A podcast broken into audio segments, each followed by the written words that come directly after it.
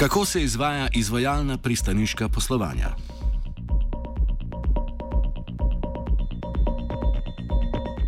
Delovska svetovalnica je na tiskovni konferenci opozorila na stanje delavcev pri izvajalcih pristaniških storitev, krajše IPS v Luki Koper. IPS so podizvajalska podjetja, ki uradno za Luko Koper izvajajo storitvene dejavnosti, v praksi pa posredujejo delovno silo. Poglavitna problematičnost je predvsem v nepojasnenih stroških, s katero pa so državni organi seznanjeni, pojasni Goran Lukič iz delovske svetovalnice prejšnje leto, natančneje 17. junija 2016, se je začela uh, seja, malce daljši naslov, v bistvu Komisije za nadzor javnih financ v državnem zboru. In med drugim so tudi imeli prvo točko dnevnega reda situacijo glede privlaskih funkcij slovenskega državnega holdinga na primeru Luke Koper in Palome. Zdaj sem tukaj le seveda govoril čist cel zapisnik, ampak tisto, kar je s točnicam pa zagotovo citiral, da ne bo kdo narobe razumel. Tekom same seje je bilo v bistvu v nadaljevanju seje, mislim, da 30. junija izrečeno naslednje. Torej, obseg pogodb Luke Koper za storitvenimi firmami, če citiram, eh, če pogledate zadnje poročilo, to je citat iz 2016, znaša 21 milijonov 800 tisoč evrov. Kaj se izvaja skozi te pogodbe? To je citat, to je vprašanje v bistvu tega govornika, ki je bil na tej seji. Takšen bežen pogled skozi firme, ki so izvajalci teh storitev, da približno polovico te pogodbene vrednosti namenijo neposredno za stroške dela, da je pa druga polovica te vrednosti več kot 10 milijonov evrov. Stroške drugih storitev, ker firme vse poslujejo na pozitivni ničli ali pa na minimalnih pozitivnih rezultatih, gre pravzaprav za to, da v tej dobaviteljski verigi za izvajanje storitev, ki jih najema Luka Koper, je okoli 10 do 11 milijonov evrov storitev, ki so relativno nepojasnjene. V vsebini povzetka poročila Finančne uprave Republike Slovenije oziroma FURS, ki ga je obravnavala omenjena Komisija za nadzor javnih financ, je zaslediti ugotovitev mnogih nepravilnosti. Med temi je v oči bijajoča predvsem veriga podizvajalcev, kjer citiramo: Zadnji v verigi praviloma dviguje nedokumentirano gotovino, ki predstavlja vir za izplačevanje zaposlenih na črno, dodatno plačilo sicer redno zaposlenih, lahko pa tudi za različne provizije. Konec citata. Kljub pripoznavanju nepravilnosti pa je vprašljiva predvsem rešitev dotičnega nadzornega organa, za katerega se zdi, da odgovornost prelaga na Luko Koper. To je uradni dokument Ministrstva za finance, v katerem uradniki, uradne osebe, v bistvu napišejo med vrsticami, da so nemočni. Da preprosto je kompleks, je, mislim, pardon, nadzor je kompleksen, vmes pa se izogibajo IPS-i in njihovi podizvajalci nadzora, tako da pač grejo v to podizvajalsko verigo v ne vem, kjer je vse nivo.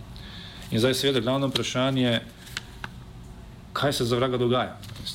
Koliko je možno, da ta dokument o tem dokumentu noben ne govori.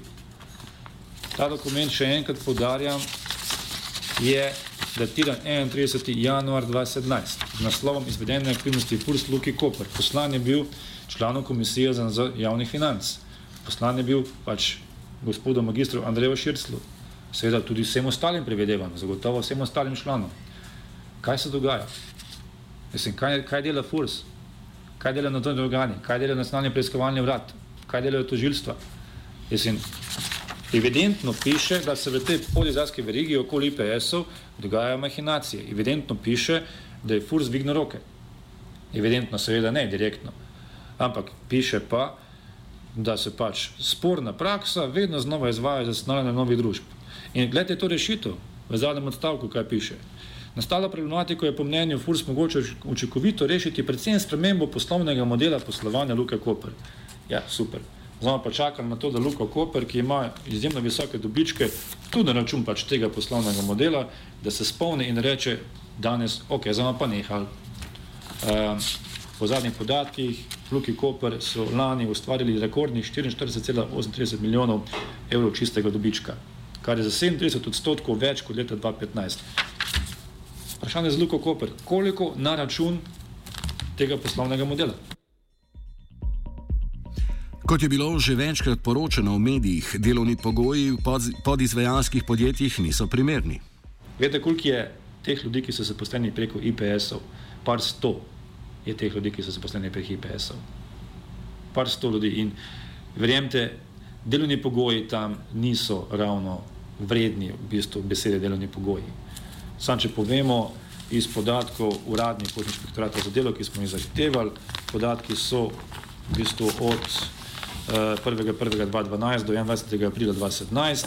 Število IPS-ov, ki je v tem raziskavi, recimo od inšpektorata 30, število kršitev z področja delovnih razmerij pa varnosti in zdravja pri delu 150. Torej 150 kršitev so našli pri teh 30 IPS-ih v tem času. Ampak nekomu, nekaterim, ta model poslovni ustreza.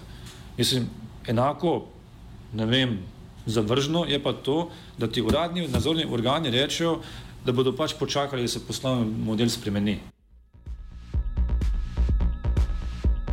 Da obstajajo razlike v plačilih eh, med delavci iz IPS-ov in tistimi, ki so zaposleni v Luki Koper, se strinja tudi Mladen Jovičič iz sindikata žurjavistov in član nadzornega sveta Luka Koper.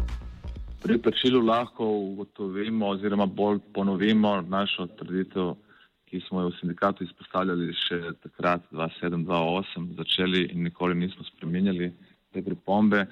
A to je, da je sporno, da delavci, ki delajo recimo ista dela v določenih uh, fazah, niso plačeni identično. Ne. Se pravi, da IPS-i na koncu, delavci pri IPS-ih zaslužijo manj kot luški delavec, vendar moramo vedeti, da med luko, ki plačuje in delavcem stoji prav to podjetje IPS in njegov lasnik. In ta verjetno služi najboljše od vseh ne, v verigi. Iz Luke Koper so nam glede vprašanja o poročilu FURS odgovorili, da z njim niso seznanjeni, glede kršenja delovskih pravic pa so omenili, da lahko od podizvajalcev zahtevajo le podatke o izplačevanju. O pravni odgovornosti Luke Koper kot naročnika v primeru ugotovitve, da gre pri IPS-ih za posredovanje delovne sile, Lukič. Odgovornost je jasna. V primeru, če se ugotovijo elementi. Eh, pravni elementi, da tukaj ne gre za izvajalce pesniških storitev kot storitev, ampak gre za klasično agencijo za posodovanje dela. Eh, v tem primeru potem sledi tudi subsidijarna odgovornost za poplačila vseh ostalih terjatov, prejemkov, pardon, prejemkov od teh zaposlenih. Torej, tako je avtomatsko v primeru, ko ugotovi inšpektorat z odločbo, da tukaj ne gre za IPS, ampak gre za agencijo, pa se zaradi mene imenuje IPS, ampak je agencija za posredovanje dela, ki mora biti registrirana, potem v bistvu je, je subsidijarna odgovornost samega tega uporabnika, torej Luka Koper, ampak tisto, kar je, je tudi hkrati pomembno, tisto, kar je nevarna stvar, ki je potrebna, da se sanira, je pa to, da hkrati pride tudi prepovedna odločba. V bistvu prepovedna odločba za te delavce, ki v bistvu delajo v teh IPS-ih, da ne sme več tam delati. Torej, v bistvu največja, rekel, največja, največja neumnost, mislim, neumnost, največja nevarnost tukaj za, za te delavce, ki sami niso krivi za to, ampak je to, da potem pride inšpektorat in reče, ok, zdaj bomo mi končno začeli tu sistematično delati in bodo usekali prepovedne odločbe za vse te delavce in jih bodo pustili na čistini. Zato pa pravim, To je po zakonodaji tisto, kar ja, bi se moglo narediti, ampak te delavce se morajo potem direktno zapustiti v Luko Koper, ne pa da se jih pusti na čestini zaradi prepovedne odločbe. Število teh podizvajalcev sicer ni znano. O sizofrenosti vprašanja, koliko je podizvajalcev, nadaljuje Lukič. Gre za to, da niso samo IPS, IPS so vrh piramide. Vse vidite, kaj se dogaja. In zato vprašam še enkrat vprašanje, koliko je firm Luka Koper? A ve Luka Koper, koliko je film Luka Koper? A ni malce si zafreno to vprašanje? Je, je. Ampak evo, kam smo, kam smo pristali. Da se Luka Koper hvali z dobički, znotraj nje, Bog se vidi, koliko je notrnih dobičkov teh firm, koliko je teh mini dobičkov pri teh IPS-ih in teh misijih traderjih. Sem na meni že Bog ne ve. Dosedanja reševanja neprimernega položaja delavcev so šla v smeri prepovedi dela, kar pa je povzročilo, da je breme padlo tudi na delavce. Prav tako se je v preteklosti že zgodilo, da so bili delavci, ki so izgubili delo, zaposleni strani drugih podizvajalcev, ki pa so plačali še manj.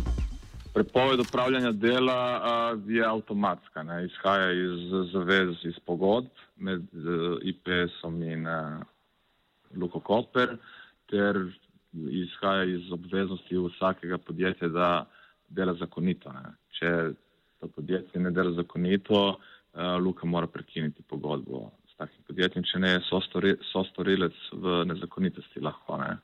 Uh, z delovcem pa verjetno mislite predvsem na tisti primer, ko je enem podjetju bila prepovedana, uh, prepovedano delo v luki, da potem so delavci bogi ostali brez dela, ampak niso dejansko so bili vsi uh, načeloma brez dneva, brez zaposlitve oziroma so bili avto, že naslednji dan zaposleni v drugem IPS podjetju. Uh, se pravi, da se njihov status načeloma sploh ni spremenil. Rešitev, ki so jo videli v sindikatu žerjavistov, je bila ustanovitev zadruge. Zakaj do tega ni prišlo? Jovičič. Mi smo na sindikatu uh, poskušali uh, pač, uh, pomagati, da bi se ustanovila zadruga.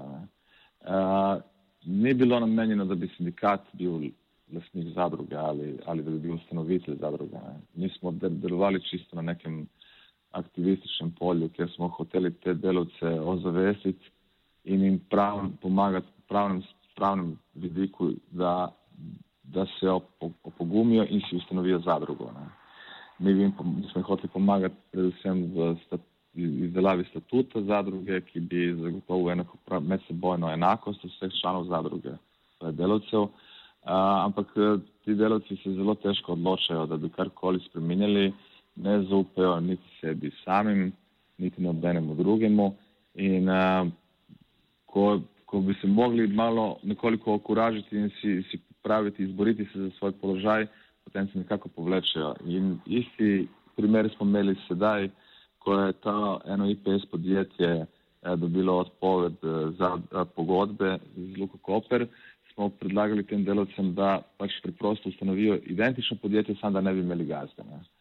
Pa se na koncu niso uspeli opogumiti, da bi to naredili. Spet smo mi čisto tako, bi rekel, volontersko poskušali jim pomagati pri ustanovitvi tega, ampak je žal, da, da med delovci pogosto obstaja pomankanje samozavesti in, in te bojevitosti. Tako da žal, uh, enako zadruge, delovska zadruga mislim, da v Sloveniji še ne obstaja. Ne. E, tudi zakon je o ustanovitvi take zadruge zelo pomakljiv, bi ga bilo treba dodelati. Kako se sicer opredeljuje delovska svetovalnica do aktivnosti sindikata žirjavistov, današnji offside zaključi Goran Zrnič iz delovske svetovalnice? Eni so gor, ne, takšno je delovno mesto, drugi so pa dol, v ladji ne, ali okoli ladje. In ti gor, mi se zdi, da dobro vidijo, kaj se dogaja dol in imajo, očitno imajo interes, ne? seveda denar je pa se. Ne? In če so že gor, tudi imajo obvezu, da vidijo, kaj se dogaja dol, ker ti dol skrbijo, za, da ni gor. Ne? Ampak očitno, da jih to ne zanima. Offset je pripravil Tit.